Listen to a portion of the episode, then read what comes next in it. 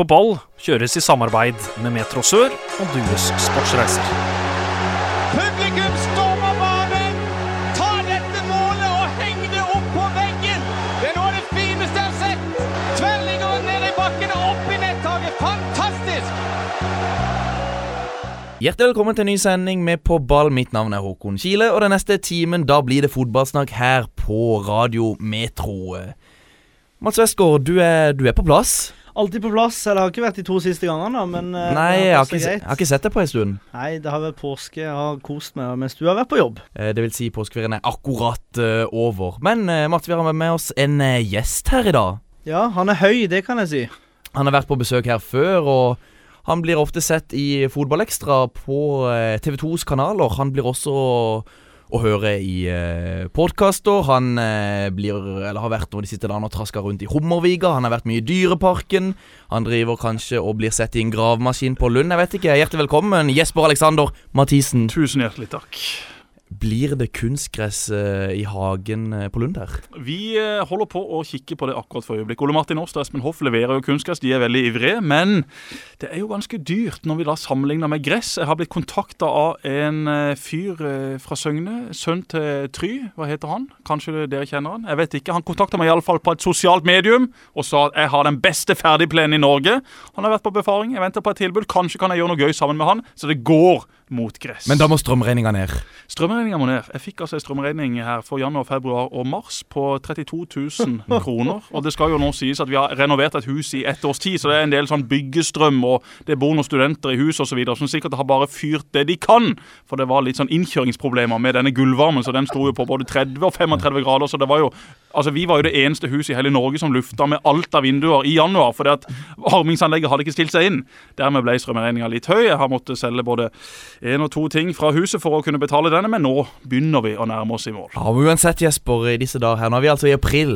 Det koker på Sørlandet. Det koker på Sørlandet. Og da altså. snakker jeg ikke om nødvendigvis om fotballen. Nei, det koker på alle mulige måter. Fotballen er jo én ting, men jøss, for et vær vi har hatt i påska. Så jeg har kost meg ute i Hummerviga. Et paradis i Søgneskjærgården. Der var jeg ute i min Pioner 15. Besøkte et par øyer, hadde med meg Kaptein Sabeltann, altså min sønn. Jakta på noen skatter, fant noen skatter, fant noen påskeegg. Det var rett og slett utrolig god stemning. Og da sitter jeg der ute og så tenker jeg jøss. At folk gidder å reise på fjellet. Når vi har altså hatt en lang, kjedelig, grå, mørk vinter nok et år. Og så drar folk til fjells. Der er det sikkert god stemning og masse alkohol og mange som går på ski og har det kjempegøy. Men det å være med sjøen, ute i Søgne eller i Høvåg eller i Kristiansand, altså det kan jo ikke sammenlignes med noe! Ja, men det har vi jo hele sommeren til. Ja, men vi må ha enda mer. Jeg skulle gjerne hatt tolv Ja, men måneder. jeg syns vinters, eller påska er fantastisk. Altså På fjellet der, gå i litt sånn uh, slush at føre og Slush, du går jo på Ja. bar, mann. Ja, det er, du må til tider faktisk ta Du må går på truger. Ja, det er Du ødelegger jo skia. Ja, det er derfor jeg ikke går på, på helt, uh, helt nye ski. Derfor bruker jeg et, et par ski som jeg har hatt en del år nå. Glider de i vinterferien, så de er klare til nå som, uh, nå som det er påskeferie. Så Men- jeg koser meg på fjellet, Mats. Har du vært på fjellet? fjellet? Jeg har ikke vært på fjellet, men bare kjapt spørsmål. Har du dratt opp på Hovden, eh, som du gjorde denne påska, hvis ikke det hadde vært eh, for de gode, kalde drikkene du drikker? Det lurer jeg på. Nei, jeg er jo sånn at jeg tar eh, mesteparten av påskeferien hos eh, mine foreldre i leiligheten på Brokke for, å bli, for å bli servert god mat der. Og det er der jeg finner roen. Så vet en det at Misforstå meg rett. Det er jo nydelig om du er på fjellet eller med sjøen, eller om du er i innlandet eller hvor det måtte være. Det var ei fantastisk flott påske, for det var rett og slett utrolig bra vær, og da blir man jo glad. Da går alt mye lettere. Alt fra oppvask til gressklipping til det å ta seg en joggetur. Alt går ufattelig mye enklere enn i januar. Jeg kom ut av vinterdvalen eh, i påska. Ja. Da kjente jeg at da Nå er Westgård eh, i gang igjen. ja. Så du har fått masse energi og Ja, jeg har fått masse energi. Jeg har faktisk det, altså. Men én ting, Mats. Altså, Fra sist jeg var her, så har jo du starta opp en ny karriere. Jeg følger jo det på Instagram, Facebook, Twitter, eh, Tinder. Jeg følger det overalt. Og der har jeg jo sett at du har begynt som standup-komiker. Ja. Dette krever en forklaring, for dette har jeg gledet meg til å spørre deg om. er jeg har bare gått og venta og tenkt at dette her skal jeg ta med Mats på lufta. Mats Westgård, en hyggelig, morsom kar, men standup-komiker. Altså, Du gjør mye rart i ditt liv, men den hadde jeg ikke sett komme. Du hadde faktisk ikke det. Nei, altså Jeg elsker jo å drite meg ut. Ja, Eh, så elsker jeg å prate om meg selv. ja. Og da har du egentlig en ganske god kombo for uh, å gjøre standupen. Nå var jeg i Stavanger, på uh, det som heter For Folken, som er et veldig kjent uh, sted der. Skal vi være helt ærlig, det, det var ingen som lo av meg. Bortsett fra mine fire-fem venner som var der. men, men det som var så rart, det var ingen som lo av de andre heller. Så det var sånn der Jeg kjørte da tre timer inn til Stavanger. Og gleder meg sykt mye. Har tatt på meg ei lita fin skjorte. ikke sant? Ikke strøket, selvfølgelig. Nei, det har du jo aldri gjort. Jeg tror aldri jeg har sett deg i strøkeskjorte. Nei, det, det har jeg ikke tid til. Eh, og så eh, kommer jeg der, gleder meg masse. Og så, hvis, for de som har sett 'Mannen som elsket Yngve', så er det en sånn der eh, film hvor de er også på Folken, og de går i en sånn 80-tallsstil. Men fy søren, de går jo enda i 80-tallsstil der. Så jeg så det med en gang jeg kom, at dette er litt alternative folk. Her kommer ikke jeg til å gjøre det veldig, veldig Men har du noen sånne go to-vitser som du bare vet slår an? Ja, Du eh, trodde det iallfall. Ja. Hjemme har jeg jo det. Ja. Hjemme har jeg blant Det annet alt- Venner, kjente og familie. Ja, det er ikke alltid som Nei, slår ja, an i Kristiansand. Men... Det er ikke alltid det fungerer i, Stavanger. Nei, det, og de gjorde jo ikke det. Stavanger-publikummet der, det er det som så. Det er det samme som at din mor hadde sagt Du Mats, du er god i fotball, du. Og så går du inn i startgarderoben og tenker Hei gutta, er vi klare til kamp? Skal vi ut og feie Sandefjord og banen? Det er jo ikke sånn det funker i praksis. Nei, men det funker veldig bra. Det funker veldig bra. Du har jo sett på Instagram. Bra respons. Jeg har ikke fått sett mer enn et par små ord. Men meg og Kile vi vil jo komme og se på det. Neste gang du har show i nærheten av Kristiansand, sett opp to gratisbilletter. Er Alle er vel kanskje gratis når du står på scenen. Vi vil iallfall inn og høre på. Ja, det er greit. Det er greit. Fiks Og så var du også med på et TV-program. Altså Første date. Ja, det, Altså, var, her- det var bra. Trine, Trine sendte meg jo melding forrige, Var det forrige uke? Det jeg Ja, trodde det var? stemmer det. Da sitter altså Jesper og, og Trine, eh, den bedre halvdelen, får vi si, til, til Jesper, Mye bedre. klar og skal se på meg på TV, og så sender Trine meg melding. Var det ikke nå du skulle på TV? Ja, for jeg satt og spolte fram, tilbake. Jeg fant ingen Westgård i baren rundt bordet. Altså, Det var ingen Westgård å se. Ikke på toalettet engang. Ikke på toalettet. Iallfall ikke i den episoden. Men Jesper, da har jeg en gladnyhet, for nå Ja. kommer det på torsdag. Gjør det det? Ja. Altså For ei uke. Nå får vi altså Westgård på torsdag. Vi får eh, Wunderland. Ny sesong av det for dere som har sett det på TV2 Sumo. Helt overlegent. På fredag er det vel noe Premier League, Liverpool. Til helga er det Sandefjord som kommer på besøk til Start. Det, det, det er gøy med fotball, det er gøy med TV. Og Mads Westgård, han er det beste fra to verdener. Det, det, kan jeg nesten, det kan jeg nesten skrive under på. Men jeg ser nå i studio vi har eh, 25,5 grad her. Vi er ganske røde i ansiktet begge to. Mats, jeg vet ikke hvem som har fått eh, mest uh, erfare at sola kan være sterk her når du kikker rundt deg i studio. Det er ikke meg, men jeg har jobba. Jeg har holdt hjulene i gang. Eh, Ja. På eh, Stormberg-kontoret. Så eh, det er klart at alle påskekundene som falt og, og trodde de skulle få en eh, reklamasjon på et eh, hull i en bukse, de har fått nei. Men alle de andre, eh, de har fått ja og fått gode smil. Er det kjipe med reklamasjon på Stormberg? Nei, det er vi ikke. Vi har god reklamasjon, men det er klart at i noen tilfeller da, så er det jo noen som har vært uheldige og Datt opp i et bål eller noe Ja, sånt. Da får de ikke ny bukse. Det jeg skulle Nå er, det, nå er det, det er ikke lov å brenne eh, lenger. Det er det ikke. Men det jeg skulle fram til, det er det at uh, Mats meg og Jesper sitter jo her som, og ser ut som to uh, rosiner. Og Jesper, jeg hørte du snakka om noe solkrem i en av Var det vel påskespesialen til B-laget? Har du fått noe svar der? Hvilken solkrem må vi bruke? For jeg finner aldri noe som fungerer. Ja, Vi har jo en podkast i TV 2 med Mari Skjelbæk og Simen Stamse Møller som da kalles for B-laget. Fordi at eh, vi syns det var et passende navn. Og den har etter hvert blitt veldig veldig populær. Den eh, desidert største TV 2 har. Og nå får vi jo masse innspill fra våre lyttere. Sånn som dere også får her i På ball. Det å ha kontakt med lytterne det er nøkkel hvis du skal få en podkast som fungerer. Og da spurte jeg rett og slett folket Finnes det noe solkrem som du går an å smøre i ansiktet uten at du da skal svette deg ned i øynene dine og ikke kan se noe resten av dagen? Nøkkelen er visstnok å smøre seg inn tidlig på morgenen, sånn at da denne her kremen trekker inn i huden. Så finnes det også en del andre sånne såkalte solsticks, eller hva i all verden det kalles, som du da kan smøre, og som ikke da skal renne. Men for de som har sett meg svette, om det da sitter en kilometer inn i huden, eller om det er den dyreste solstikken, altså det kommer til å være sjanseløst. Så mitt tips til alle dere der ute som svetter som en gris, som liker å være ute i sola, caps. Det er det mest effektive. Altså en lang, god, brei caps, gjerne på en halv kvadrat, den tar vekk den farligste sola. Ja, for jeg syns jeg så det når du og det var vel du og Ole Martin Ort som hadde litt dårlig tid. Eller om det var du og Skjelbæk. Jeg tror det var du og Ort litt dårlig tid inn i Om det var Jeg tror, lurer på om det var Fotballekstra Det var fotballekstra for Da- to runder siden. Ja, da Kansellerte fly på Kjevik, tåke over Flesland, lokal sådan. Vi eh, så at det var kansellerte fly. Vi rakk å lande i Bergen 30, og da landa vi på den gamle terminalen på Flesland. for De som har vært der. De har jo bygd på en svær ny del. Vi måtte da løpe 800 meter i fullt tøy for å prøve å rekke en taxi, som igjen kjørte som et svin. Vi kom akkurat inn på uh, sending, akkurat inn i studio, ett minutt over seks. Kampene begynte seks, og da, vet du da kommer ettersvetten. ja. Og Hvis du begynner å tenke på at nå må du ikke svette, ja. da kan du banne på at du kommer til å svette litervis. Så sminkedama hun kom inn og hadde liksom tenkt å begynne å sminke meg. Jeg sa bare glem det, kom inn om en halvtime. Da er dette her kanskje gitt seg. Og så er det jo ofte varmt i sånne TV-studioer. Det er masse lys, så det er en jobb å få holdt den temperaturen så langt ned som mulig. Her inne nå er det jo 25 grader. Altså Det er greit nok at det er varmt ute, men det er jo 10-12 grader varmere inne.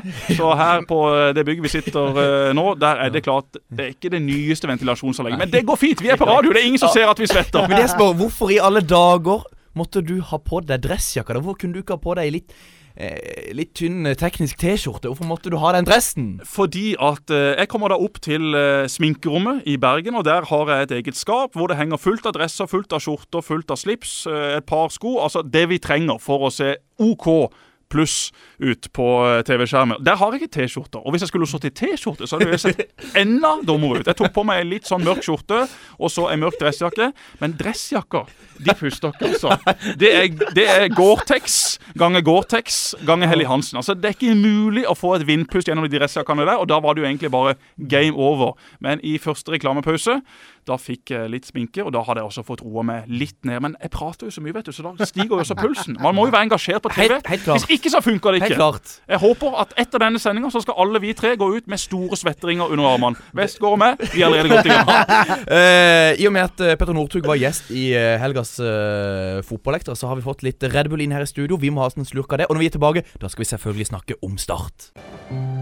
Det er ellevilt på Sørlandet om dagen. Altså. Jeg kan nesten ikke få lov å gå inn med jeg heter Rolf Sanne Viksøl, og dere hører på På ball. I eh, studio i dag så har altså meg og Mats Westgård besøk av Jesper Mathisen. og Derfor så må vi snakke en god del Start. Eh, Mats, du var i Sandnes eh, og kommenterte for Metro Sør, eller Radio Metro Sørlandet. Kampen mellom Sandnes Ulf og Start. Var det gøy?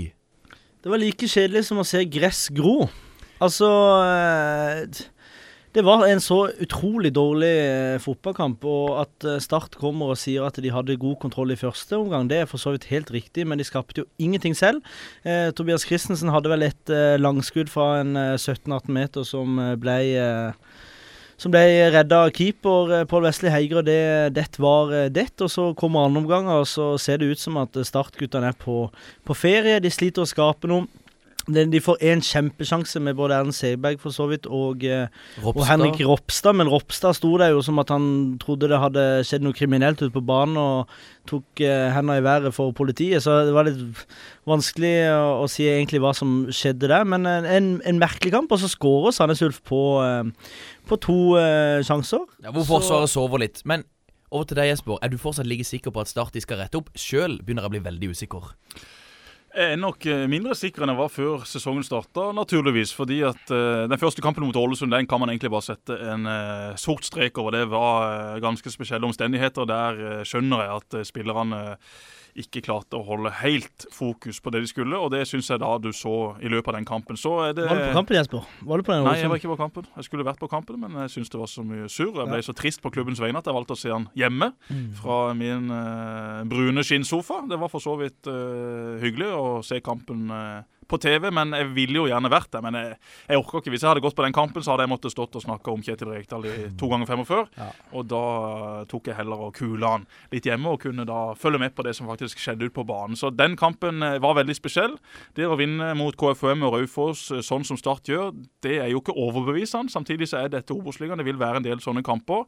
Borte mot KFUM så var det viktig å slå tilbake etter denne fadesen mot Ålesund av flere grunner. Og så var det jo da Raufoss, som har straffespark på 0-0. Den eh, redder Dormiland, og det lover å ha en god tysk keeper i mål. Og så er det da utrolig skuffende at man da ikke klarer å følge opp med en bedre prestasjon borte mot Sandnes Ulf. Sandnes Ulf er ikke blant de beste lagene i Obos-ligaen. Jeg tror ikke de kommer til å være med og kjempe om direkte opprykk. De har prøvd i flere sesonger, har en ny stadion på gang som vel står klar til neste år. Ja, Den ser fet ut. Ja, ser den blir utrolig kul, og de som sitter tett på den, eh, mener at det blir Norges kuleste stadion. For der har de lagt inn ikke bare fotballbane, men men eh, litt eh, skole, litt butikk og litt kontor. Altså Det blir en veldig kul greie. Så Sandnes Ulf eh, tror jeg kommer til å være med og kjempe i toppen av Obos-ligaen om ikke veldig lang tid, men ikke denne sesongen. Det at Start da reiser bort dit, nesten ikke skaper sjanser, som du sier, Mats, eh, taper etter hvert eh, fortjent og sover på disse baklengsmålene, det er selvfølgelig utrolig skuffende. For nå har det nye trenerteamet fått litt tid. Rekdal han har reist for en god stund siden, og kan man liksom ikke klage på det lenger. Og spillerstallen i Start er jo det som har gjort meg rimelig sikker på at dette her kommer til å gå veien. Når du ser på hva slags kvaliteter de har, hva slags budsjett Start har, hva slags lønninger de har delt ut til disse spillerne, så skal det jo bare mangle at Start er med og kjemper, og ikke minst rykker direkte opp. Men som du sier, Håkon, Ålesund har vært utrolig solide. Null problem med å slå Skeid nå i sist runde. De har bare virkelig tatt vare på de mulighetene de har fått. Eh, Slo Start her, uavgjort mot Sandefjord og Sandefjord. Altså, de har møtt de to største konkurrentene sine på fremmed gress, kunstgress. Og Det vil jo da si at de er ferdig med de to kanskje tøffeste kampene sine. Så de har da et uh, greit program, hvis det er lov å si det, når det gjenstår uh, 4-25 kamper. Men ja, litt mer usikker. Men fortsatt så mener jeg, og jeg tror, og jeg håper naturligvis, at eh, Start kommer til å rykke direkte opp. Men da er det jo en nøkkelkamp nå mot Sandefjord. For Sandefjord er jo det laget som kanskje er mest samspilt, som hadde den beste opplevelsen siste halvdel av 2018. De har en spansk trener, de har et par spanske profiler, de har Geir Ludvig Fevang på benken. altså Der er det mye kloke fotballhoder. Så den kampen der, da forventer jeg at eh, Start står på en helt annen måte her hjemme på Sparebanken Sør Arena. Men så er det litt sånn, jeg føler Hvor mange var det på kampen mot Raufoss? Jeg tipper Sa eh, Spiker sa 5000. Var ja, Jeg tipper det var en 1400-1500, altså. Jeg tror ja, ikke det var men, noe men er det litt sånn eh, Start spiller ikke spesielt bra om dagen, og det er litt som at eh, tilskuere og de med interesse rundt Start, og de som har hatt sesongkort på Kristiansand stadion og Sparebanken Sør Arena tidligere, de, det er litt sånn litt avventende òg blant publikum. Var det mange som hadde tatt turen til Sandnes, f.eks.? Det var de samme. Begynner å kjenne igjen fjesene på de som drar på bortebane. Det, det er Ultras som samler en gjeng, og så er det Tigerberget som samler en gjeng, og så, så kommer det noen med, med bil som tar med seg noen barn og noe sånn. Og, og Noen det- sånt tar jeg med seg andre ting enn barn. Nei, men det, det er mye, mye forskjellig da som, som kommer på, på Men jeg kamp. skjønner at ikke folk kommer på kamp. Jeg forstår det veldig godt. Det er selvforsterkende når et lag gjør det dårlig. Når en klubb har tatt en del upopulære avgjørelser, og, og når folk da begynner å snakke om at nei, det finnes ikke lokale, her er det bare importer, de klarer ikke å prestere. Men hvis du da zoomer litt ut og skal prøve å gi Start-supporterne et håp om at dette allikevel skal gå veien i 2019 De har en utrolig god keeper som hadde stått på mange eliteserielag. De har eh, det beste stopperparet i Obos-ligaen, Jørgensen og Lov. De hadde også spilt for veldig mange eliteserielag. Nå var Jørgensen veldig svak borte mot Sandnes Ulf, men det var hans første kamp. Det var på gress. OK, vi får nå se om ikke han klarer å levere på et høyere nivå. Var god for Sarpsborg eh, sist sesong. Og så har du Vikne og Ropstad, som er to gode Obos-backer. Så er det jo midtbanen, da som det har vært litt utfordringer med. Der syns jeg det mangler en skikkelig leder. Der syns jeg det mangler intensitet. Der syns jeg det mangler eh, kreativitet. Tobias Christensen er jo kanskje den som på sitt beste er aller nærmest. Eh, Tvom har vært eh, god, men han har sine mangler. Aremu har sine mangler. Segberg har sine mangler. Hadzic har sine mangler. Det er ganske mange der som eh, kan fungere i et velfungerende kollektiv. Men om det er noen av de som virkelig skal stå opp og fram når nå Start sliter, det har jeg mine tvil til. På topp så var det utrolig synd at Adeleke ble skada i lang tid. For selv om ikke han kanskje har levert til den prislappen han ble henta inn for, så har han fart, ferdigheter, X-faktor som dette her startlaget trenger, og han gjør også noe med motstanderne. Han skaper rom for de andre angriperne. Nå blir det mye mer forutsigbart. Bringaker skåra mye viktige mål i fjor, men han er en mye enklere spiller å møte for de stopperne som da venter i Obos-ligaen. Og så har du skårene Sigurdarsson, du har andre kvaliteter og ferdigheter fram i angrepet, men det mangler noe på midten. Det mangler noe fremme. Bakover. Der tror jeg nok etter hvert Start skal bli utrolig solide. Men mer tvilende til om Start kommer til å skape all verdens av muligheter i hver eneste kamp. Ja, for jeg føler ikke det er mange som kan komme inn fra benken og endre kampbildet, sånn som mot Sandnes Ulf når de lå under 2-0. Ja, de hiver inn Floke. Det er greit, da tenker du at ja, det kan de få litt innlegg òg, men det ser liksom litt det, Altså, Jeg føler ikke det kommer til å gå. Du trodde jo Floki kom til å bli eh, en bra boksspiller, spesielt når du så han i Sørlandshallen, der når Kabran svingte noen innlegg, og, og Floki var der med hodet. Men, men nå er det liksom det, Floki Han blir liksom så langt etter. Ja, men altså, eh, Floki det er, eh, I forrige kamp så var det mange som sa åh, tenk hvis Floki hadde vært på det, innlegget til, det ene innlegget til Mathias Bringaker. Men greia er jo det at eh, Floki har eh, fått ganske mye spilletid, men han, han sliter alltid med å posisjonere seg. Det er satt gang på gang. Han er jo aldri i de situasjonene. Han kommer ikke til de situasjonene. Det gjør Mathias Bringaker. Derfor mener jeg at Mathias Bringaker er en, et bedre alternativ. Men sånn som i går, da, spesielt i første omgang. Så driver Eirik Vikne fra høyresida og slår inn masse innlegg mot to store stoppere til Sandnes Ulf, og så er det Bringaker som er i midten. Da må du jo, Enten så må du ha en kampplan ut at Bringaker er på topp, eller så må du ha en kampplan at Floki er på topp. Nytter ikke å drive og stå langt på Bringaker, altså, selv om han har eh, sånn sett jobba bra med, med fysikken, han altså. Men eh, nei, jeg, jeg ser liksom ikke helt eh, den eh, røde tråden selv etter at eh, nå som Joey har tatt over. Nei, det, det blir spennende å se hvordan de eh, løser Jeg vil ikke si det er noe problem, men det blir spennende å se hvordan de løser dette videre, Joey og, og gutta der Men i Håkon, start. en ting. altså I går så eh, tar Mathias Bringaker som et eh, eksempel, for han spurte på radioen. Så eh, spør jeg hva, nå, er det det å bli, nå er det fire poeng opp til, til Ålesund på, på topp. Det var han ikke noe bekymra for i det hele tatt. Det var fremdeles tidlig i sesongen, og det er for så vidt greit. Men jeg lurer på, Jesper, tror du at de kan ta for lett på dette? her? Tror du at de tror at dette skal bli en walkover? Nei, det tror jeg ikke. Jeg tror de er godt forberedt på hva som venter. Obos-ligaen er ikke eh, veldig lett for dette startlaget. Det har vært det for en del tidligere startlag, men denne utgaven her, den har som jeg sier, en del mangler i sitt lag. Derfor er det utrolig interessant å se hvordan de nå responderer mot Sandefjord. For Sandefjord, Ålesund og Start er jo de tre store direkte opprykksfavorittene. Jeg tviler veldig på at noen andre kommer til å blande seg inn. Ullkisa var jo fantastiske nå i de første kampene. Så kom eh, tapet hjemme mot Kongsvinger. Så Det vil være en del sånne lag som har perioder, vinner masse kamper, men som vil være for ustabile. Start, Ålesund og Sandefjord de bør være veldig stabile. Det bør eh, være en jevn, tett kamp. Men Sandefjord har jo da Pontus Engblom på topp, som eh, herja med Start eh, her i fjor. Da var det jo en eh, kamp eh, som Start da bare skulle ut og hente tre poeng i. Engblom løp vel inn både to og tre mål og viste der at han har fart og ferdigheter, og han har det spesielt da i Obos-ligaen. Så det er en ekkel kamp, for hvor offensive skal Start tørre å være?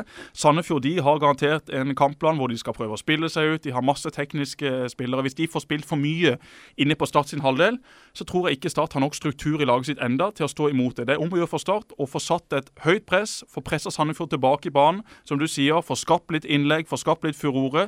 Hvis det er Start som går ut og tar kontroll på den kampen, så tror jeg Start kommer til å vinne. Selv om de da har kontringsspillere Sandefjord, så har Start Damien Love, som kan løpe opp eh, alle spisser i Obos-ligaen i søvne. For så god kan han faktisk være hvis han har hodet på rett plass. Det gjenstår å se. Det har jo vist seg allerede nå denne sesongen at det, det er fortsatt litt ustabilt eh, der oppe i toppen. Men at Start nå skal ut og eh, gi Sandefjord en kamp, og hvis de da tar tre poeng, da har man allikevel, syns jeg, fått en godkjent start på sesongen. Blir det tap, så er det ikke krise, men det er i alle fall en blytung start på sesongen. Og da vil dette også gjøre noe med troen i laget. Det vil gjøre noe med selvtilliten, både for spillere, også for trenere, selv om de aldri vil innrømme det, men også da for alle folkene rundt. For som du sier, Håkon, det er gått litt over i å bli likegyldighet nå. Og det er det aller, aller verste. Det at folk er forbanna, at folk er sinna på start, på avgjørelser, på spillere, på trenere. Det kan klubben leve med, for da er det iallfall et engasjement.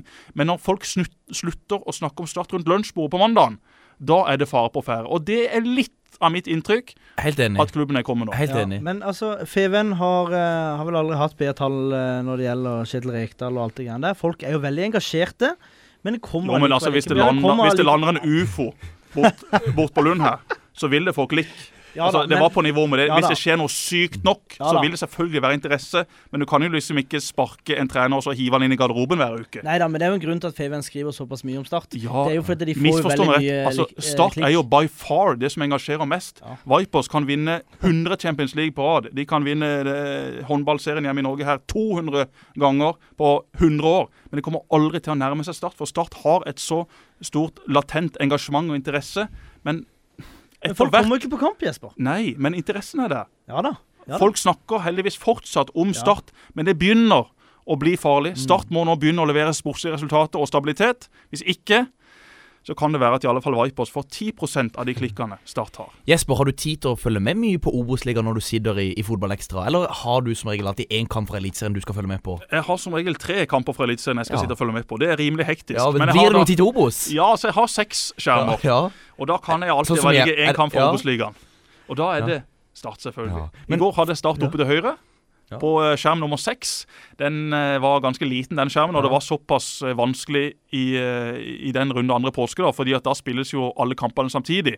Og Da er det litt kaotisk. og Dermed fikk jeg egentlig ikke følt så veldig godt med på Start, men jeg fikk med meg målene og har sett opp en del av, av kampen i etterkant. Så jeg får med meg Start, jeg får med meg Obos, men det blir selvfølgelig begrensa Ja, når man sitter i studio. For ett poeng bak Start, der finner vi Jerv.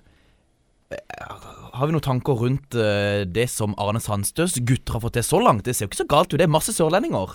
Det virker som det er litt engasjement der. Ja, de får Bort til jo holde på veldig i det stille da i forhold til eh, Start. Og det er jo klart at interessen på de som kommer på kamp, det er ganske jevnt der også, selv om ikke det er det høyeste tallet. Men det er klart at uh, Jerv eh, nå som de har henta inn uh, Simon Larsen, som uh, du har kritisert iallfall litt tidligere, men passer vel kanskje litt bedre i en sånn klubb som, som Jerv nå. Og så har de mye spennende på gang. Følte ikke de traff helt på overgangsmarkedet i fjor, så får vi se nå. Nå fikk de vel sin første seier, men det er jo som sagt tidlig i sesongen de fikk sin første seier. For ei gressmatte! Ja. Hæ, Jesper, når kommer det gressmatte på Sparebanken Sør Arena? Det kommer nok ikke med det første. Det kommer nok først gress i min hage, så får vi se når det kommer gress på Sparebanken Sør Arena etter hvert. Men som du sier, Mats, de har bomma litt på overgangsmarkedet før. Men nå syns jeg de har gjort smarte signeringer. Mm, Simo. Larsen, en strålende spiller for Jerv i Obos-ligaen. Daniel Aase vil være det samme. Thomas Sernikov, også en uh, trygghet i det laget. Og Du de- vet de hva har du gått får. Litt, de har gått litt tryggere ut på overgangsmarkedet òg. Absolutt. Og så kan det godt være at de mangler den superspissen de gjerne vil ha, men de har henta Brensrud. Han har vært ute med skade. Kanskje når han blir frisk, hvis han nærmer seg det nivået han en gang var på, så er det en klassespiss også i Obos-ligaen. Arne Sandstø, han har eh, veldig stor respekt for, eh, ikke som person, jo da, jeg har det, men også da som fotballtrener. Han er en veldig bra kar på, på veldig mange måter, og jeg tror at eh, han hadde ikke blitt i Grimstad. Han hadde ikke gidda å vært i Jerv hvis ikke det var for at han faktisk hadde troa på at Jerv igjen kan være med å kjempe om en kvalikplass, og da etter hvert kanskje være med å kjempe om et opprykk til Eliteserien. Jeg tror ikke Jerv klarer det i år, opprykk til Eliteserien, men de kan være med å kjempe om en kvalikplass. Det er helt klart. Og Dette var jo årets første seier, men de fikk jo da også Uh, utsatt denne her kampen eh, som vel var i Ja, det snø, Første eller andre litt mye snø oppe i Tromsdalen. Tromsdalen, jeg tror jeg det var. Så de har jo en kamp mindre spilt ja, enn de aller fleste. så de ligger godt an. Når vi er tilbake, da skal vi se hva som rører seg i lokalfotballen. BK, hvite blå,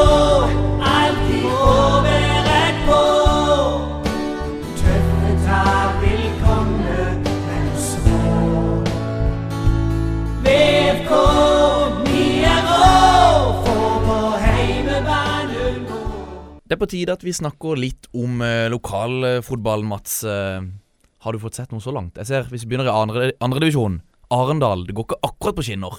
Nei, det gjør ikke det. Det er borte, men det jo, går aldri på skinner i Arendal, for så vidt. Ehm, de hadde vel en liten periode der. Nei, det var merkelig. Vi spådde vel at de kanskje skulle gjøre det litt bedre enn eh, de har gjort det nå. Sett ganske, ganske mørkt ut, egentlig. To kamper, 1-6 i målforskjell. Kaba, som riktignok har blitt kalt for tredjedivisjons Lukaku en gang i tida, skårer riktignok det ene målet de har så langt i sesongen. Men eh, Jesper, snakker du noe med Steinar Pedersen om dagen? Eh, Ja, jeg gjør jo det hvis jeg treffer han på, på Kiwi eller uh, ute i Egersberg. men uh, vi har ikke daglig kontakt. Nei, men jeg tror det, det, det, defensive var liksom det han prioriterte først. Ja, Og altså- slipper de inn en haug med mål. Altså, Jeg har jo troa på Steinar i Arendal, for å ta det først. Han viste i Jerv at han kan bygge opp en, en sånn type klubb. Bringe inn profesjonalitet, tydelighet. eh, Få skikka en klubb til å kunne ta et steg opp. Men den åpninga de har hatt, den eh, får jo diverse alarmklokker til å ringe. Han henta inn Roger Risholt som eh, assistent, og det er alltid morsomt med eksperter, sånn som eh, vi da blir kalt, som da skal inn i trenerbransjen, og så går det rett til helsike. Derfor kommer jeg aldri til å nærme meg en trenerbenk. Jeg syns det er mye gøyere, mye enklere å bare sitte på TV og komme med mine meninger og sage den ene, gi ros til den andre, og slutte liksom å bli så veldig ettergått på det. Nå er det Risholt som er inne der sammen med Pedersen. Det er jo et eh, team med masse erfaring, masse pågangsmot, eh, to sultne, offensive, relativt unge trenere. Så jeg håper for guds skyld at de får det der Arendal-laget i gang etter hvert. Og det tror jeg altså de kommer til å gjøre. Det er jo sånn at Arendal bruker jo alltid mye penger. De har eh, et eh, stort budsjett fordi at de har Jan Sigurd Otterlei i ryggen, som er en strålende kar som har hjulpet mange klubber her nede i Agder i veldig mange år. Så jeg unner han, jeg unner Steinar, unner eh, alle i Arendal at de eh, får litt eh, skikk på dette her, og at de etter hvert da blir med og kjemper i den enden av tabellen de faktisk skal være med og kjempe i. Men en sånn en start, hvis ikke de da får retta opp det rimelig kjapt, så er jo denne her Post Nord eh, andredivisjon tøff. veldig tøff. Og det har jo gått fra fire til to avdelinger. Det vil jo da si at det er færre lag, det er større konkurranse. det er knalltøft å rykke opp. Og når du da har fått en så tung start, så sier det seg sjøl at eh, den opprykksoddsen for Arendal, den har skutt til værs. Så må vi se litt på eh, Norsk når det er tredjedivisjon avdeling tre, hvor det er en haug med lokale lag. Nå i helga så var det jo eh, MK mot Fløy på en strøken gressmatte i idrettsparken i Mandal. Fikk du satt noen penger på kampen, Jesper? Selvfølgelig gjorde jeg det. Jeg måtte jo ha et lite spill der. 1,50 på borteseier. Jeg var da på hytta sammen med Nils Petter Andersen, assistenten til Fløy. Som da er sammen med min søster og far til Bernt, som er onkel til. Bernt har forresten ei utrolig venstreslegge. Så det er så bittert. Min sønn null interesse for ball. Bernt, fetteren til Svein, to måneder yngre, skyter som en hest, altså. Han har arva familiens venstrebein. Svein også venstrebeint, men har jo null og niks å bidra med på en fotballbane til nå. Jeg er ikke bitter, jeg er forresten stolt av, av kjære Bernt, men jeg håper jo etter hvert at også Svein da skal komme i gang med sitt venstrebein. Jeg hadde noen kroner på Fløy, og det ble jo relativt øh, spennende. Ja, det var jo helt i slutt, sluttminuttene. ut av Davy Vatne underveis i kampen. Hvordan i all verden ikke Fløy kunne vinne dette. For jeg hadde jo tipsa han om at Fløy de tar og spaserer seg greit forbi gamlegutta hos eh, Mandalskameratene. De gjorde nå det til slutt, da. Dardan Dreshai, mannen med den hvite Mercedesen som fyker rundt i både Aust- og Vest-Agder, han avgjorde kampen og tar eh, med seg tre poeng hjem igjen til Flekkerøy. Og Det var viktig for Fløy, for Fløy har jo som en uttalt ambisjon om å rykke opp. De vil tilbake igjen der de har vært i veldig mange år. MK eh, er det eh, mange gode gutter i. Mange av de som eh, jeg har spilt eh, mot, og til og med også spilt med et par av de. Så jeg unner også MK å gjøre det bra, men eh, jeg må jo innrømme jeg holdt med Fløy i den kampen, og eh, Ja, var, det var- godt fornøyd. Ja, det, da det ble 1-0. Dressja og Myhre der i fin, eh, fin samspill på slutten. Så var det Myhre som skåra? Ja, det kan godt være det Ja, var Myhre. stemmer det. Men jeg jeg så en Twitter-oppdatering ja, med Drescher. At Ja. det var han som avgjorde. Ja, det, jeg kan gå Jeg, jeg tror kanskje det var Myhre. Kristoffer Myhre Det var altså, det. Men jeg Men eller med, sist Dresja du skal få den. Ja. Du får tre poeng fra sist. Jeg møtte Willy Pepa her uh, på bussen. Ja. Han sa det at uh, Dresja, som ikke starta første matchen eh, de, For de hadde de har jo en så sterk, sterkt lag nå, Fløy. Altså, Lasse Sigurdsen Ja, starta jo på benken. Ja, flere gode spillere. Henrik Dalum av med skade. Magnus Ask. Lavodds og det, Dalum, men du har fortsatt uh, byens beste bein. Høyrebein.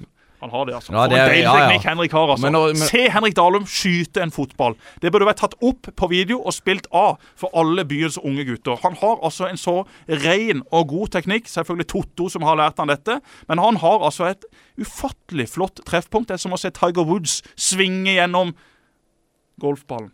Deilig å se på. Jeg blir så glad når jeg ser sånne Ja, du har jo en til, Jesper. Jeg var så andre runde i eh, Andre runde av eh, fjerdedivisjon avdeling 11 ka på Karus. eh, Våg mot Søgne. Og der har du en tidligere klassekamerat vel med, og er utrolig høyreslegge. Eller er det kanskje venstre? Eh, Doit. er Ueland.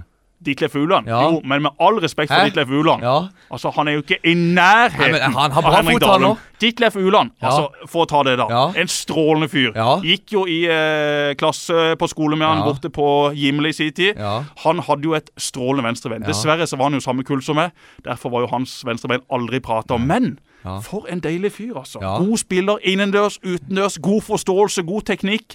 Driver jo Rema-butikken ute på ja, Er jo alltid innom der og handler. Har jo fått en ny, flott butikk. Vegg i vegg med eksperter, ikke Yes, sant? yes. Skal du ha det en ny iPhone-lader og en biff, da er det stedet å gå, altså. Og det er jo sånn du ofte må ha om sommeren, for ladere, det forsvinner. Noen i mitt hus spiser iPhone-ladere. Senest i går på Kjevik måtte de kjøpe med nok en lader. Og hva koster det på Kjevik? Jo da, det koster jo hundrevis av kroner. Men ditt til Fugland, Ja. god teknikk. Men Ja. ikke på nivå nei, nei, med men- Mathisen og Dalum når det gjelder treffpunkt, altså. Det tror jeg også Ditlef innrømmer sjøl. Men en som uh, skårer mål, som aldri gir seg. Øyvind Gausdal skårte to mål i helga. Han har nå snart bikka 5000 skåringer på for helt Og altså. eh, 200 comeback. Ja, det er vanvittig. Gausdal er en uh, luring, Han gir altså. seg ikke. Han gir seg ikke, men det forstår jeg jo også. Når du legger skoene på hylla, så innser du jo det. OK, nå er kroppen min i ferd med å forfalle.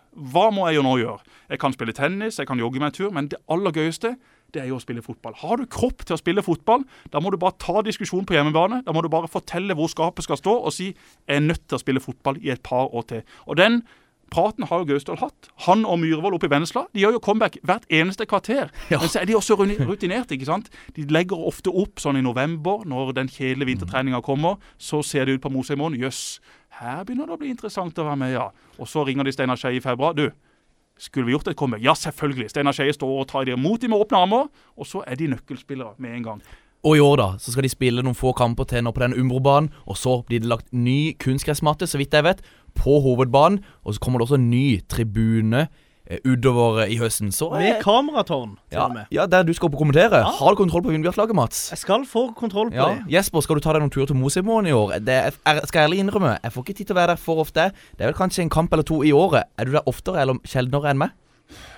Jeg skulle gjerne sagt at jeg var der oftere, og det var jeg før i tida. Ja. Men nå i det siste har det blitt uh, færre turer. Det Ja. har jo uh, først og fremst noe med at Vindbjart ikke er på det samme nivået som de var. Jeg syns Vindbjart var fantastisk å se på før. Uh, det er de for så vidt sikkert også nå. Steinar Skeie er en kar som har en utrolig fin filosofi hva gjelder å spille fotball. Men det har blitt færre turer til Mosedmoen, til Kongsgårdbanen, til Kristiansand stadion, til Hellemyr. Og det henger jo sammen med at man har en jobb hvor man er borte i snitt hver tredje dag gjennom et år.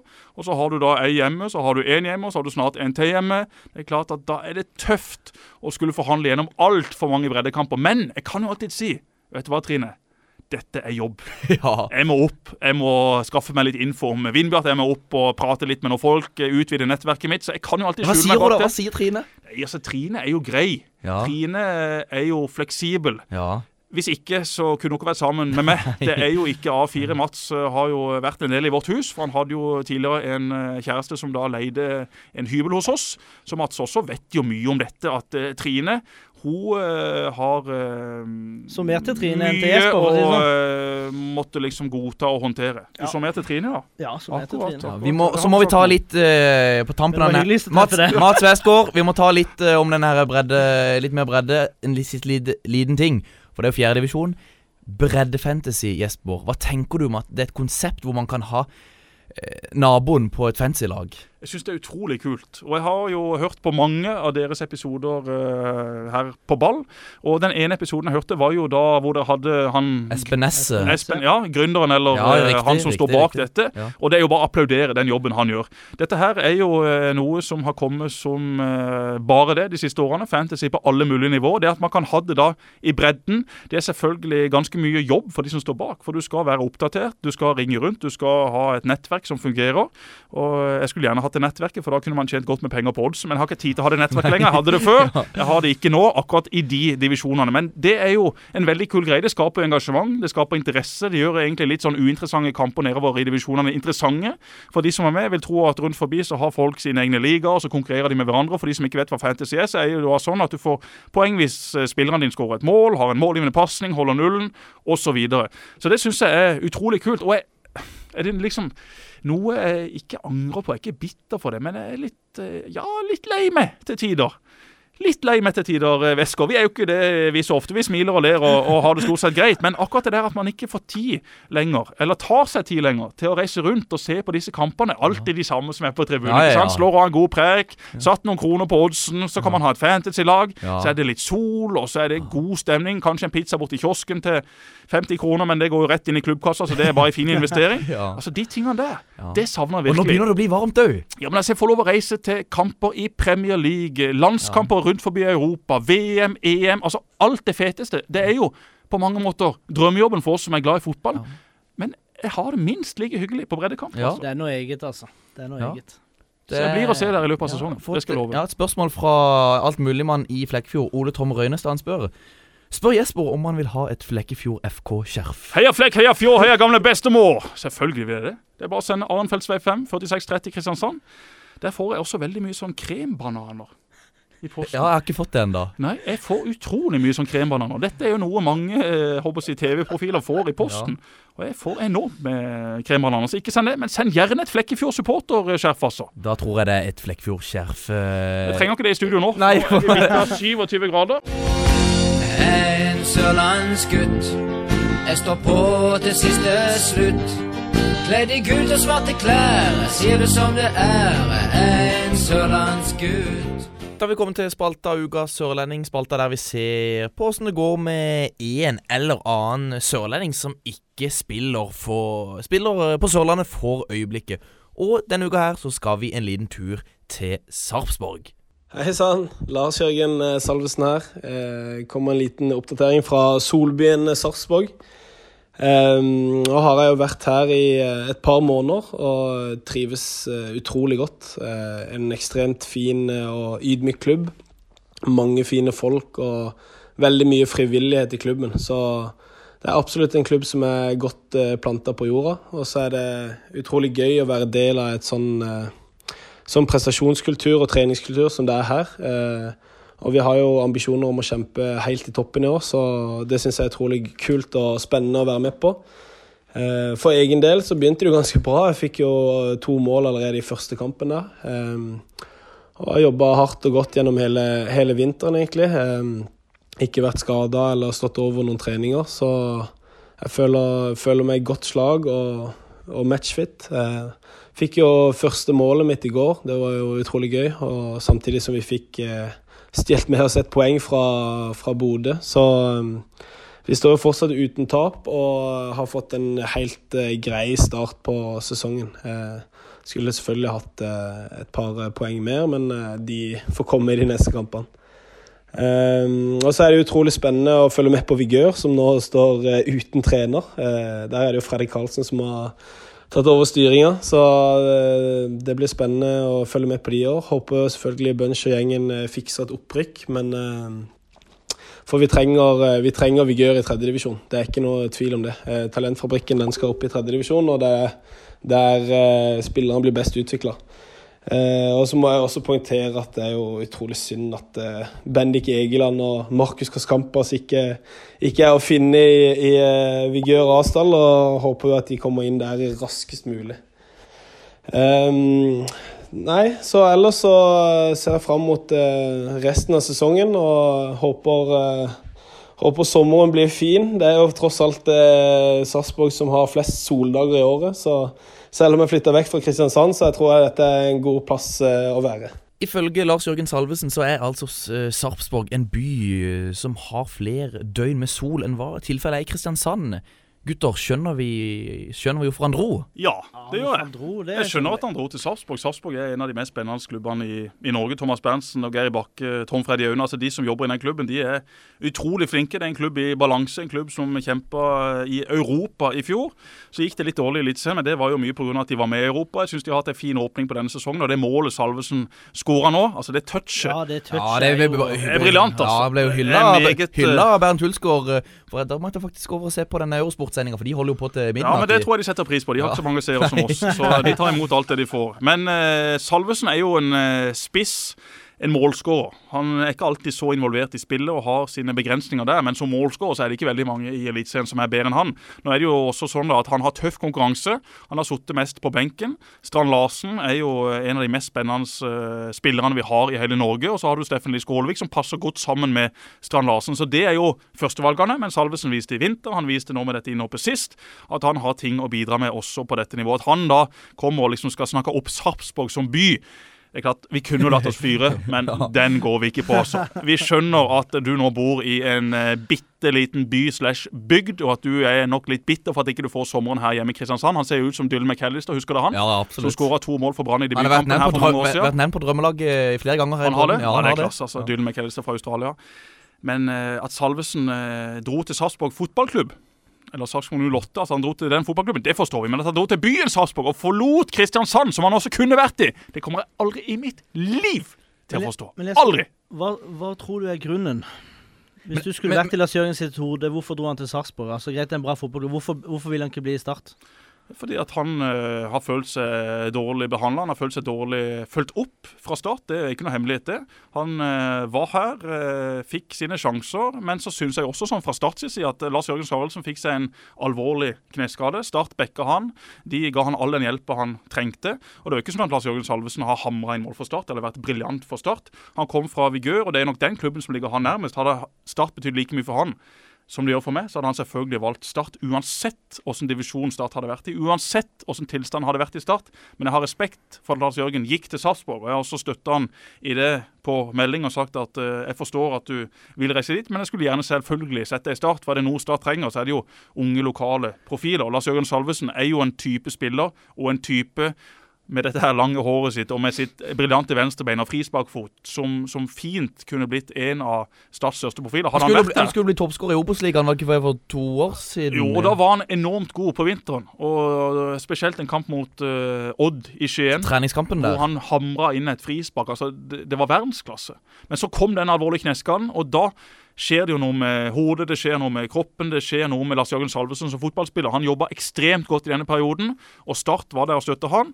Og så ville ikke han da være med og bidra tilbake igjen for Start, og dro heller til Sarpsborg. Men det kan jeg forstå. Han fikk garantert en grei kontrakt der, det han har fått i Start også. Men han går da til et lag, til en gjeng med trenere og spillere som har vist at de kan utvikle seg videre. Og hvis vi nå liksom sitter her i dag, og Start har spilt x antall kamper, og Sarpsborg har spilt x antall kamper, så kan man jo forstå det valget enda bedre. For Start er jo en kaotisk klubb, men Sarpsborg er en klubb i fin balanse. Men er Start Jesper, en mindre attraktiv klubb enn hva vi, hva vi tror? Når vi ser på Idredin Imbrahima i Viking, Sean McDermott, Kristiansund, Slatko Tripic, Viking.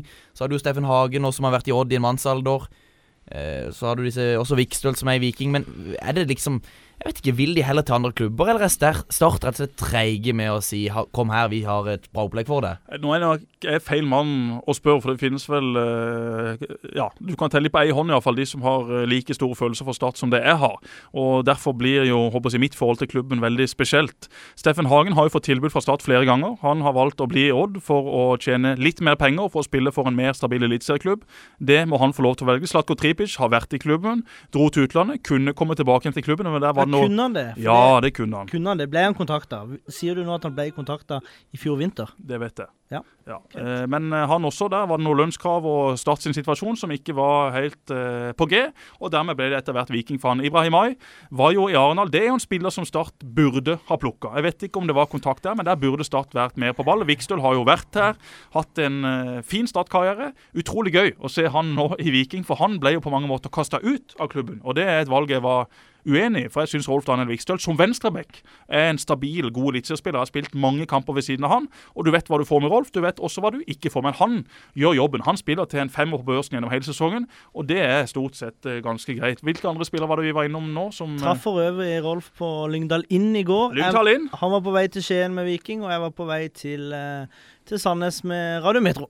Ja. Hyggelig treff. Men, Var det noen flere spillere? vi- Ja, Sean McDermott nevnte vi. han. Sean McDermott uh, var jo uh, ikke den keeperen han er nå. Når han da var aktuell. Han eh, kunne jo fint vært eh, i, i Start nå, men nå har jo Start eh, fikk tak i, i Doimeland i fjor. McDermott reiste jo til utlandet, kom tilbake igjen. Han har vært utrolig god for Kristiansund. Var jo Eliteseriens nest beste keeper i fjor etter en fantastisk André Hansen, så han har hatt en enorm utvikling. Men på det tidspunktet han da var i Sandnes Ulf, og han da etter hvert dro til Kristiansund, så var det vel ingen som tenkte jøss, Han var vel i han start skulle Start hatt. der. eh, Ja, da, han har vært i Start også. Men da var jo Håkon Oppdal Ja, i men, kanskje noe av sin men skal vi bli enige om at vi blir overraska hvis vi ser noen sørlendinger som nå plutselig dukker opp i, um, i andre eliteserieklubber? Uten å ha vært gjennom Start?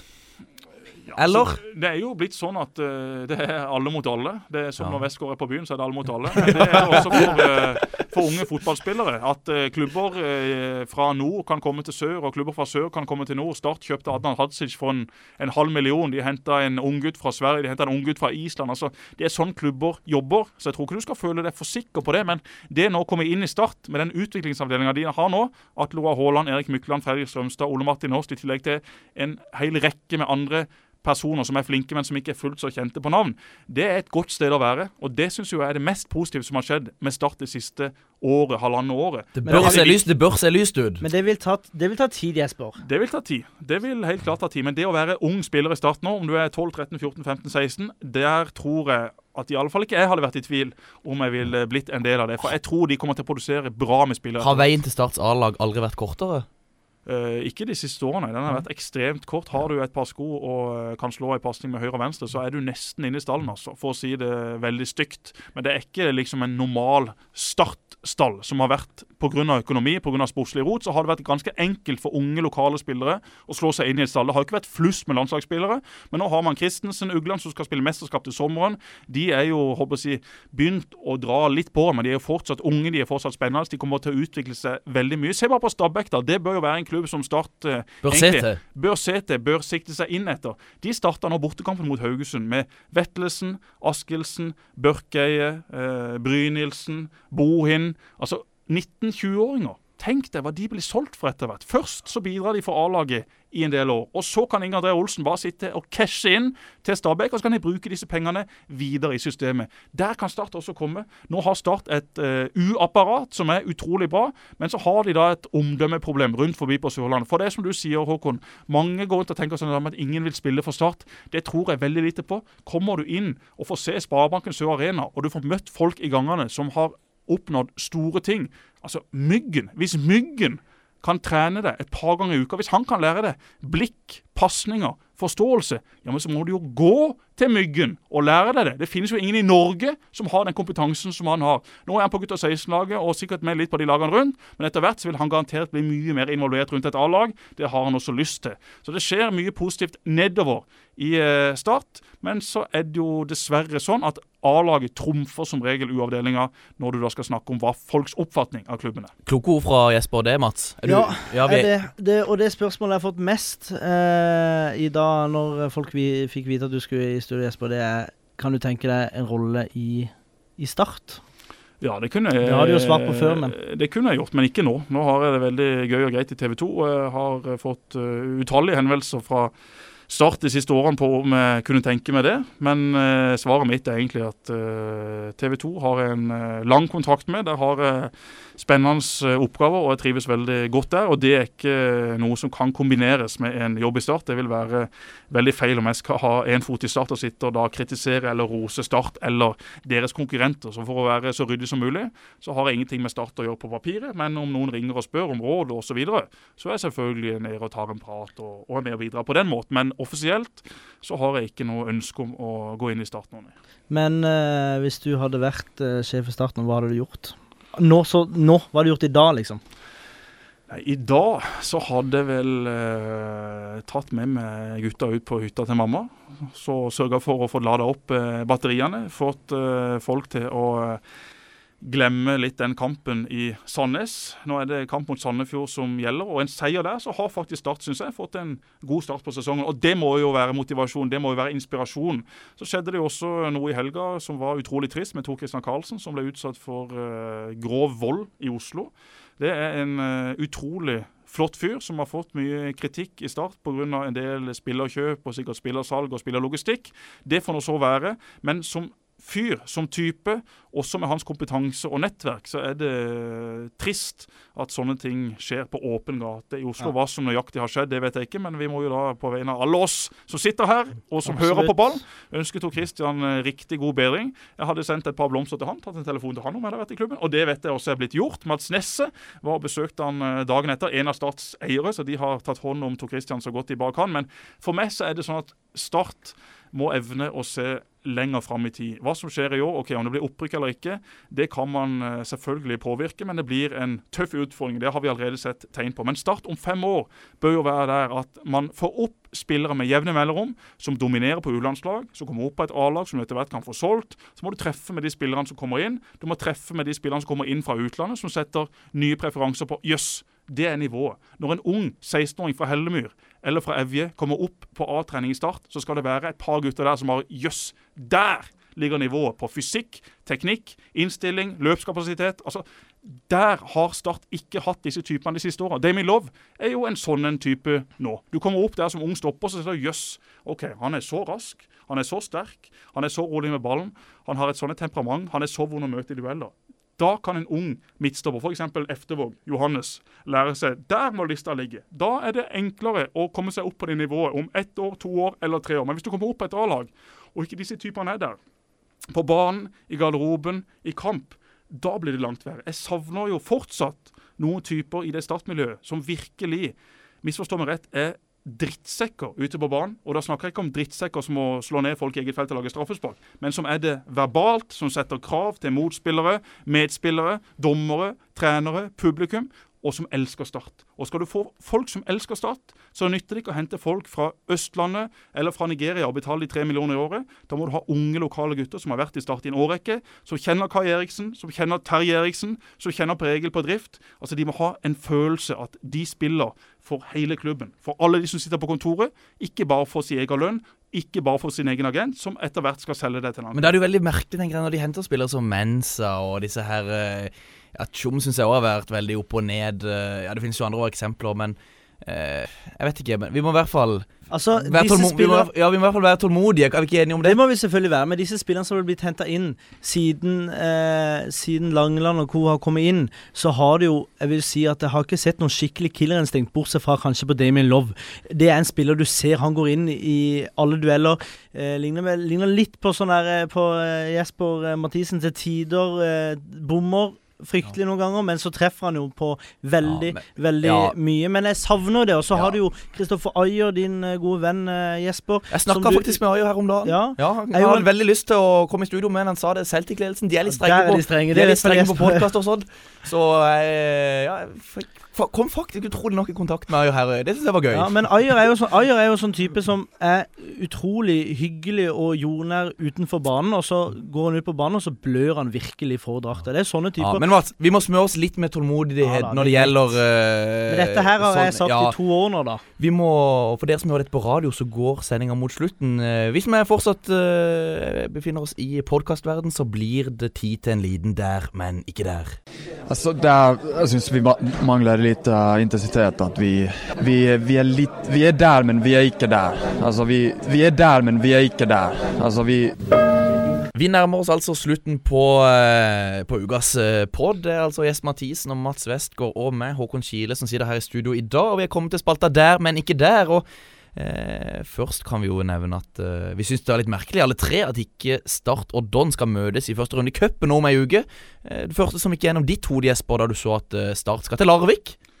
Jeg var opptatt med et eller annet, så jeg kom litt seint til, til middagen der. Og ble jo Jo, jeg spilte inn podkast, faktisk, eh, B-laget. Og jeg så ikke da denne trekninga før eh, i etterkant. Og der er det jo, i likhet med her, at vi liksom begynner Ja, nå går det mot slutten, og så er det en time igjen.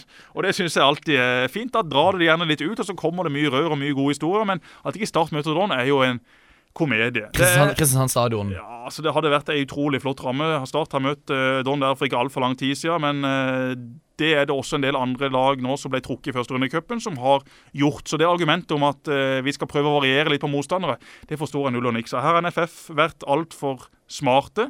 De har overtenkt. De skulle bare gjort det enkelt og greit. Satt opp Start mot Don, selvfølgelig, fordi at første runde i cupen i Norge er noe av det flotteste vi har. Da skaper vi folkefester rundt forbi. Og Larvik, der er det jo hyggelig, og det er fint vær og det er god stemning. Og for Larvik så er det stort å få Start på besøk.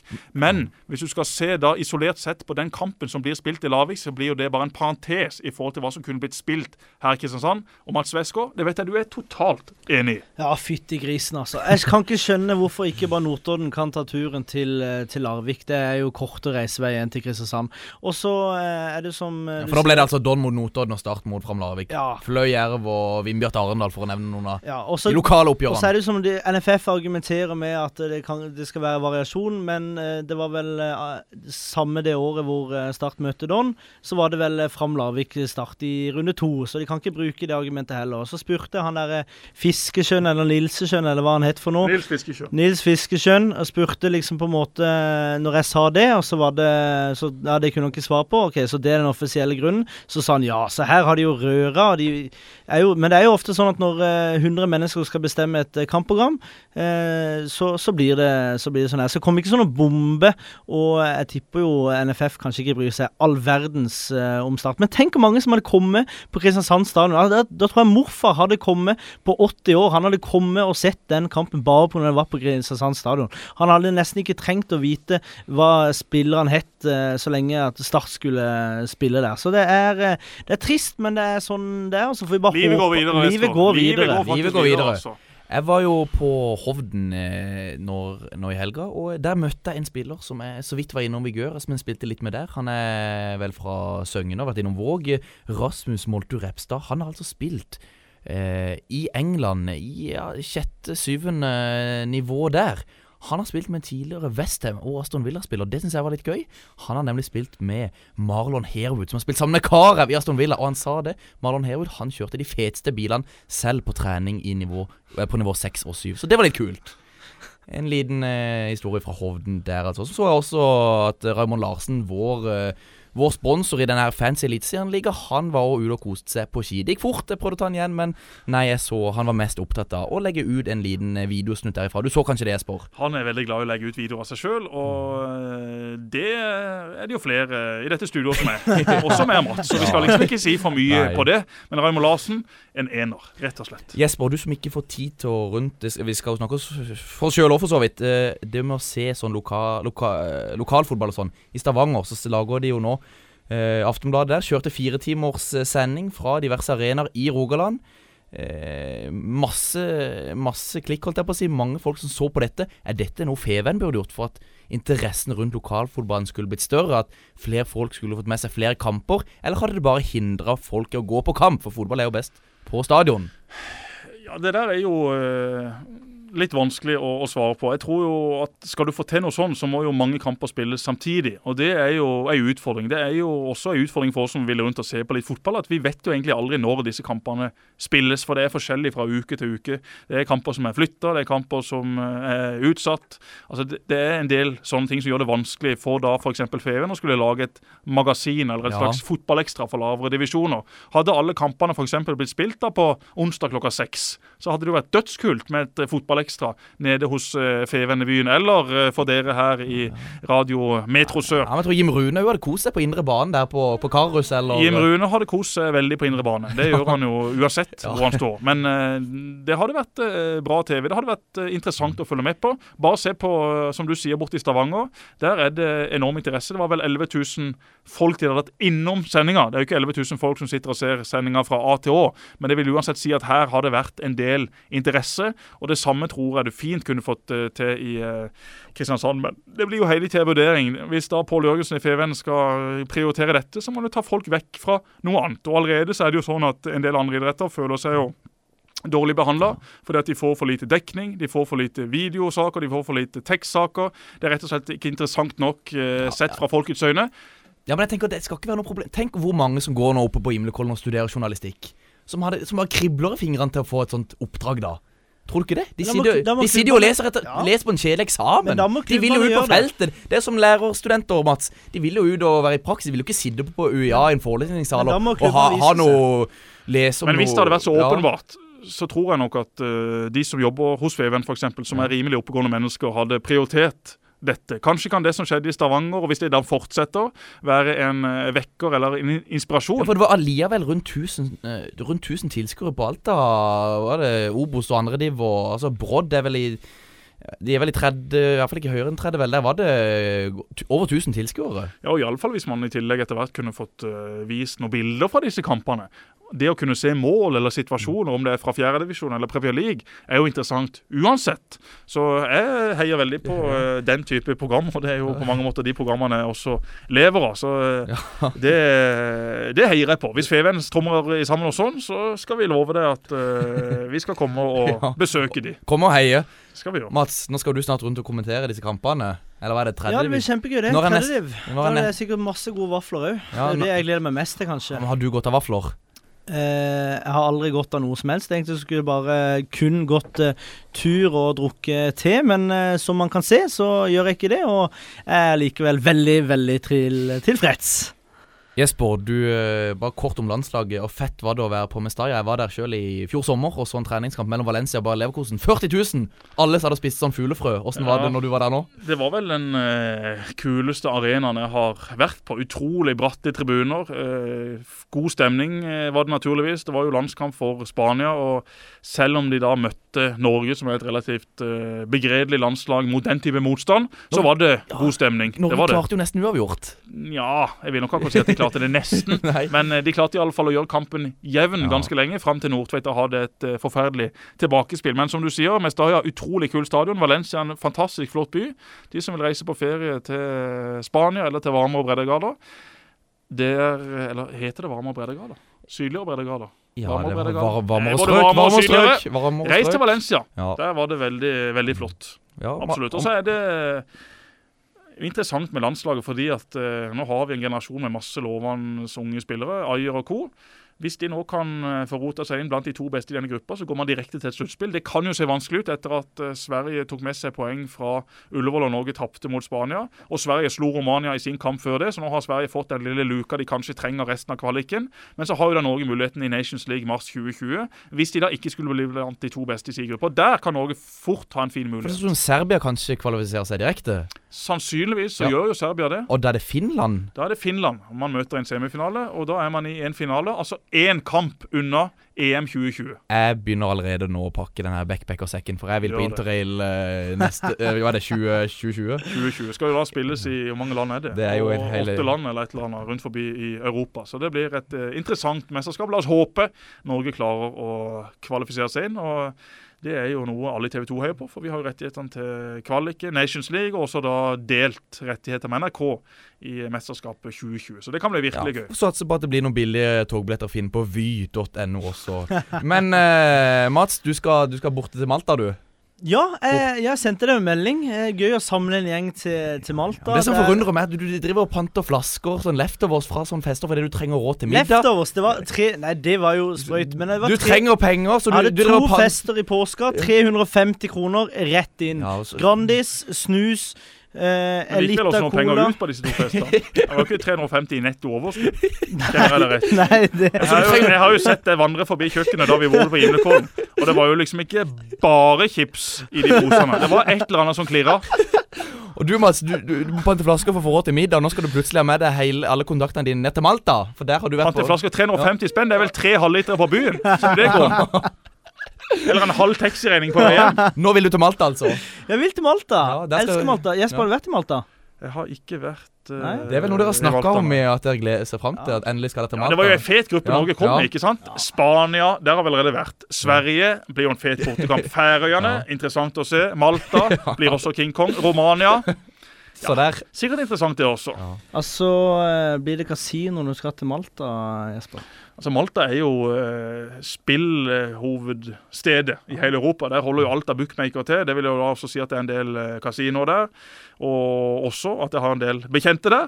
Så du skal ikke se bort fra at det blir en tur eller to inn på et kasino. Men kasino har faktisk aldri trigga meg noe så veldig. Kasino er ikke noe som eh, jeg higer så veldig etter. Oddsen, der har det vært mye eh, moro og mye eh, spinnville greier. Men akkurat kasino jeg vet ikke. Jeg klarer liksom ikke helt å la meg rive med det. for mye altså. tilfeldigheter. Ja, det er det jo også. Syns du syns det? Ja, det er det jo også. Og øh, ja, jeg vet ikke, det er et eller annet med kasino som ikke tiltaler meg så veldig. Det høres kanskje rart ut, men det er faktisk Eh, sant. Mats, jeg ser du sitter oppe med telefonen og regner ikke med at det er du som driver og venter på noe fødsel. Eh, er det noe annet? Nei, jeg venter på matches du på. Tinder, Nei, men det skjer jo ikke. Åssen er det på Tinder? Er det knusktørt Det Det blir blytungt. Er det det? Blytungt. Jeg er det ikke så veldig liksom- mye på er du- Tinder. er du- Jeg er ikke så du veldig Kile, Skile, han er aktiv. Er Kile aktiv? Han driver og sender meg, eh, sender meg snaps og sånn, at nå har jeg matcha med henne her. Så han er mer aktiv enn meg. Men vi har fått et uh, lytterspørsmål. Det er vel fra din svoger Hammerstrøm. Simen Hammerstrøm. Ja, han er fin. Han lurer på når Du kan jo høre om hvordan han og Trine skal få Svein til å innse at den nye lillebroren ikke kan hete Langemann. Ja, det er jo en kamp. Vi har ikke bestemt oss for noe navn ennå, men Svein er jo av den oppfatning at han skal hete Langemann. Og det har han gått nå rundt og sagt i et halvt år. Det blir eh, selvfølgelig ikke Langemann. For det første så har man vel ikke lov å kalle han for Langemann. For det andre så må vi prøve å få stoppa denne her sabeltanninteressen fort som bare det. For nå er han altså bikka tre år. Nå må han snart begynne å trene. Hvis ikke så er det bare å flytte alt fokus over på nestemann. Og da eh, blir det ikke Langemann. Det blir nok heller ikke Mats Håkon.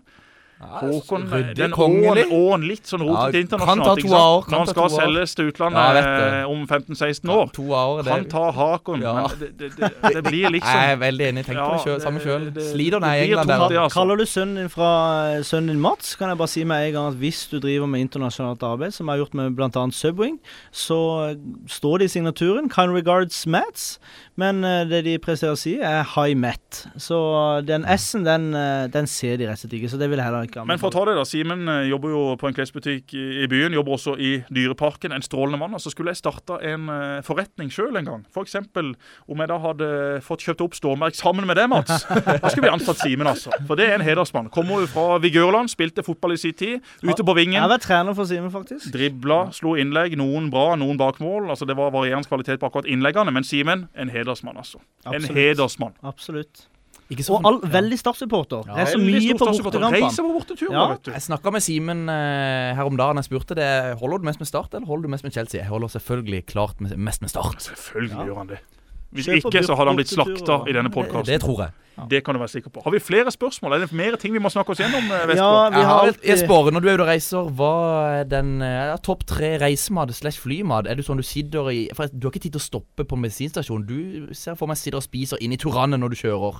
Eller hva Ja. gjør du? Dere, har dere lurt litt på. Jeg er ofte spisende i Toranet, ja. Ja, Men, Tar du eh, til sånn feige løsninger, sånn typisk eh, ja, pølser, burger, litt sånn, eller? Altså, når, Eller når, når Trine, Trine, på, Trine, gir deg vel noen råd her? Trine gir meg råd. Ja. Hun gir meg mye råd. Ja. Det er sjelden jeg hører på dem. Men når jeg f.eks. har vært på landslagstur Ja. i Oslo, fulgt landslaget ei uke, da er jeg alltid der fra første trening til kampen. Eh, Da har jeg klekka ut lagoppstillinga, alle i NFF er forbanna på meg osv. Det får nå så være. Men i alle fall etter kampen, da Da er jo sendinga slutt kanskje sånn 11-halv 12. Da er jeg så lei av å være på reise, så da setter jeg meg i bilen og så kjører jeg hjem om natta. Og da kan jeg bli veldig trøtt. Og for å unngå at jeg skal sovne og kjøre rett i et tre og ende livet der og da, så pleier jeg ofte da å spise masse smågodt. Ja, Hjelper det? Blir du mett? Pluss en hamburger. Jeg blir jo ikke mett. Nei. Men jeg får Nei. jo i hvert fall opp sukkeret til Ja. et himmelsk nivå. Ja. Og da er det iallfall tyngre å sovne. Og så begynte jeg å drikke kaffe. Det har jeg altså begynt med siden sist. Og når jeg da begynner med noe sånn, så blir det enorme mengder. så kaffe det dytter jeg nedpå.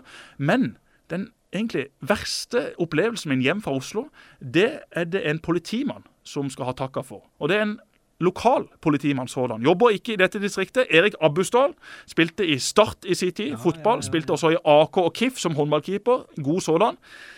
Han satt da i en politibil midt inne i Telemark et sted. Og Så kjørte jeg forbi, og jeg kjører alltid forsiktig på natta, for jeg forstår at politiet ofte er ute da, sitter i bilene sine, kjeder seg, ser om de kan få fakka noen, få delt ut noen bøter og få inn noen kroner til julebordet.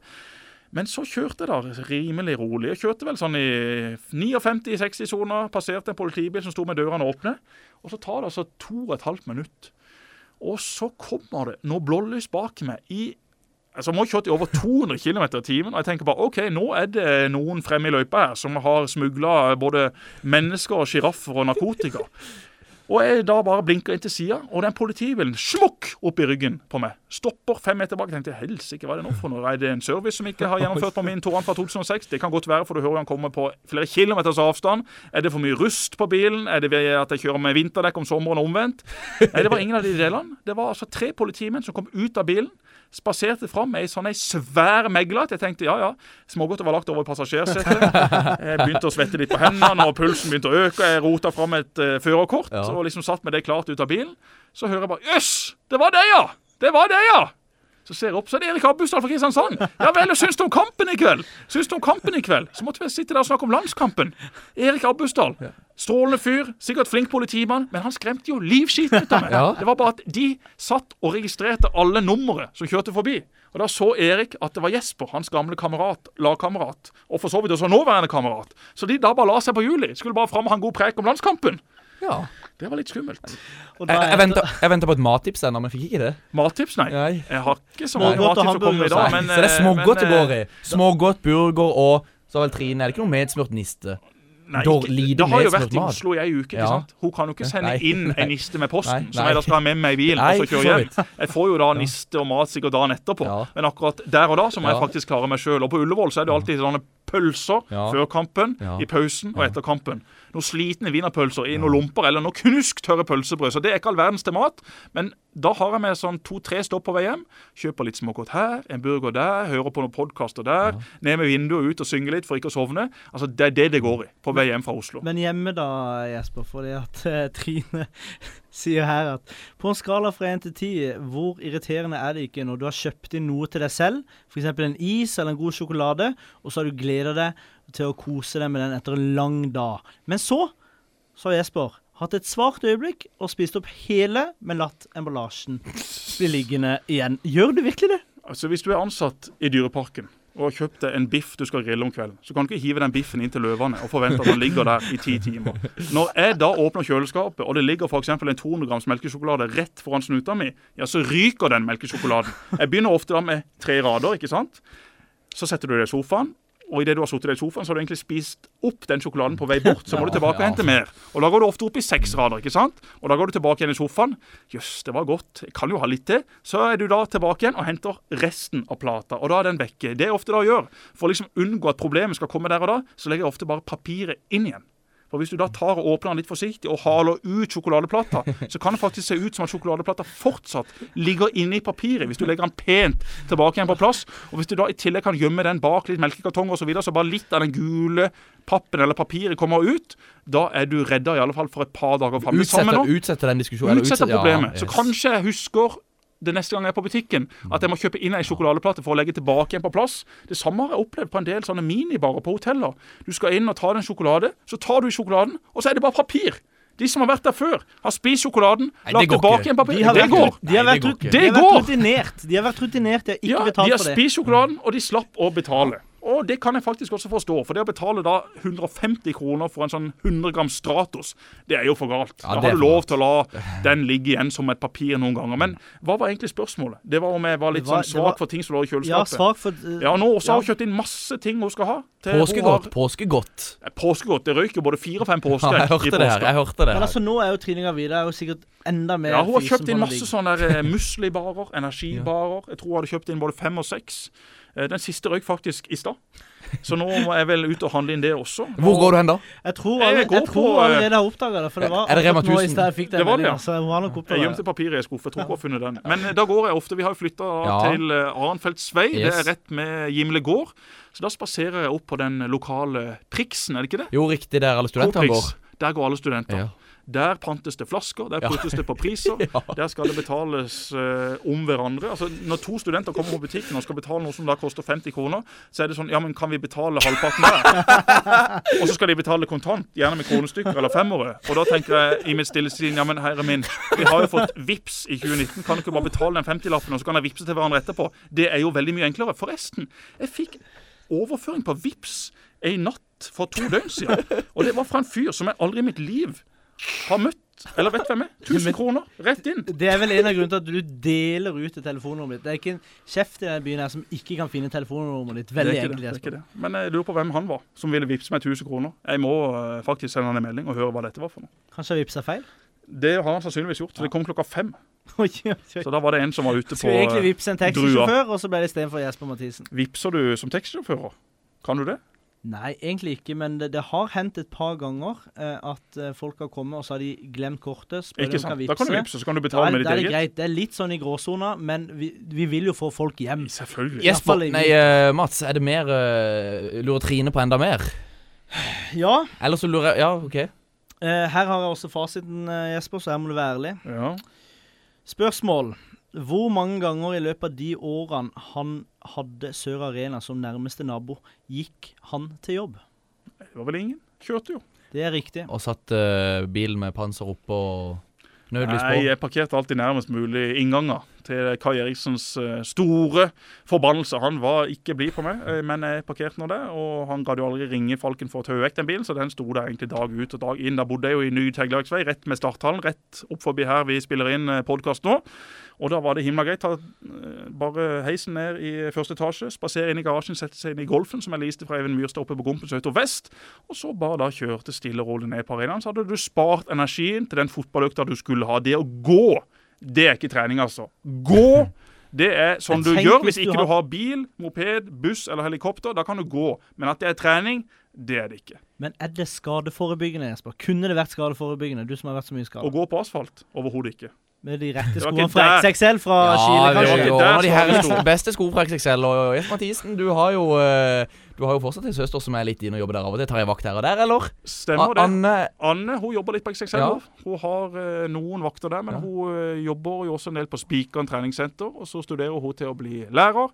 Og så må hun være litt barnevakt for oss innimellom, så hun har nok å ta seg til. Så har hun også en kjæreste fra Lyngdal. En uh, tidligere eh, keeper, nå sport jeger.